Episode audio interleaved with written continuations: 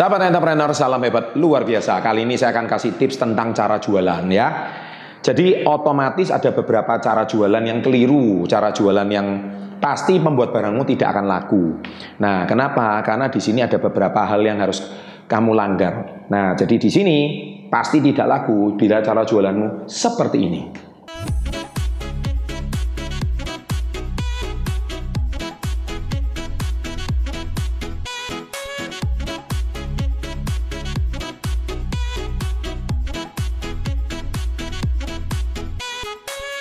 Nah, jadi gini ya, sebelum saya lanjutkan, tolong subscribe dulu. Ya, dengan Anda subscribe, Anda mensupport channel ini untuk terus maju dan Anda dapatkan tips-tips yang terbaik untuk bisnis kamu, untuk kehidupan kamu, untuk motivasimu. Ya, 3, 2, 1, thank you. Jangan lupa loncengnya diaktifkan. Nah, nomor satu menjual barang yang tidak jelas. Maksudnya menjual barang yang tidak jelas apa? Jangan pernah menjual produk yang tidak tahu asal usulnya dari mana. Ya, jadi Anda jual casing, contohnya jual ini, jual itu, tapi kalian itu nggak tahu barang itu nggak jelas asal usulnya dari mana, kualitasnya seperti apa. Karena apa? Menjual itu kan pakai akun Anda. Menjual itu orang taunya pembelian kalian, nama toko kalian. Nah, kredibilitas daripada toko itu atau kredibilitas dari online shop itu atau kredibilitas dari akun pribadimu itu sangat dipertaruhkan di mata masyarakat. Kalau misalkan Anda menjual barang yang tidak jelas, akhirnya kan Anda penjual yang tidak jelas karena cuma mengejar keuntungan kan. Profit oriented kan. Saya tahu semua orang butuh profit, saya tahu semua orang butuh keuntungan, tapi kredibilitas itu yang paling utama. Kejujuran itu paling utama. Karena kalau kalian menjual sesuatu barang, tapi akhirnya ujung-ujungnya tidak jelas dan ujung-ujungnya kualitasnya tidak baik, mengecewakan konsumen, jangan harap bisnismu akan ya laku lagi berikutnya. Pasti nggak laku. Ya, jadi nomor satu reputasi itu penting. Kedua, melayani konsumen dengan buruk. Nah, konsumen itu adalah raja. Usahakan sopan, ya, cepat, langsung. Meskipun konsumen maki-maki, biarin. Ya, karena itu konsumen punya hak. Ya, tapi konsumen itu raja. Kenapa? Kalau bosmu itu adalah yang menggaji kamu. Tapi ingat, konsumen itu adalah bosnya bos kamu. Tuliskan itu di kolom komen. Konsumen adalah bosnya bos kamu. Jadi kalau bos kamu nggak ada konsumen, bosmu nggak punya bisnis. Kalau bosmu nggak punya bisnis, kamu juga nggak dapat kerja. Kan gitu ceritanya. Kenapa? Karyawan kerja karena ada bos. Nah bos itu hidupnya dari mana? Konsumen. Jadi konsumen is everything. Because customer is the king. Nah makanya melayani konsumen itu nomor satu. Kalau kalian melayani pelanggan tidak dengan baik, maka itu nggak bisa gitu. Ya, itu pasti tidak laku yang kedua. Ketiga, terlambat ngantar barang. Nah ini, ini juga masalah kredibilitas. Kalian janji dua hari, ya dua hari itu kalau bisa satu hari setengah udah nyampe.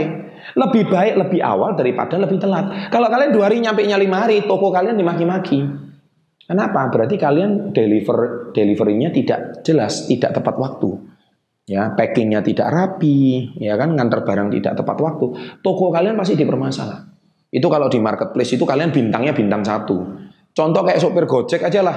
Kalau nganter maki-maki, ngomel-ngomel. Saya pernah diantar supir Gojek, orang tua bekas supir taksi. Intinya dia itu ceritanya tiap hari ngomel aja.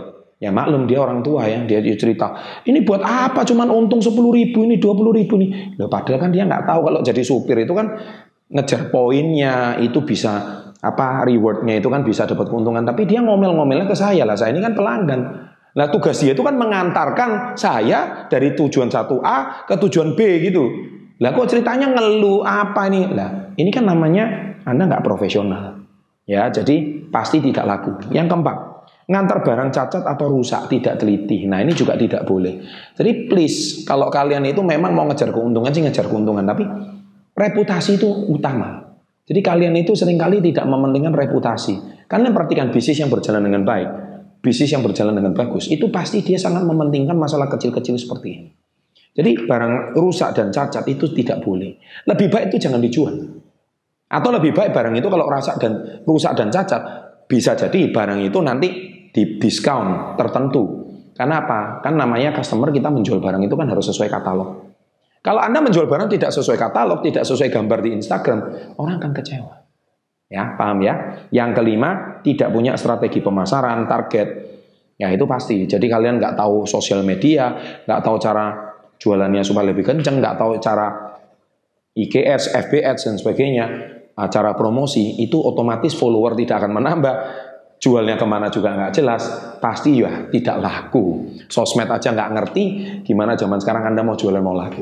Ya, jadi semoga lima hal ini bisa menjadi sebuah perhatian, saya jamin pasti laku. Kalau kalian jualannya dengan bagus, nih saya, toko kalian pasti akan dipercaya, reputasi kalian akan dipercaya.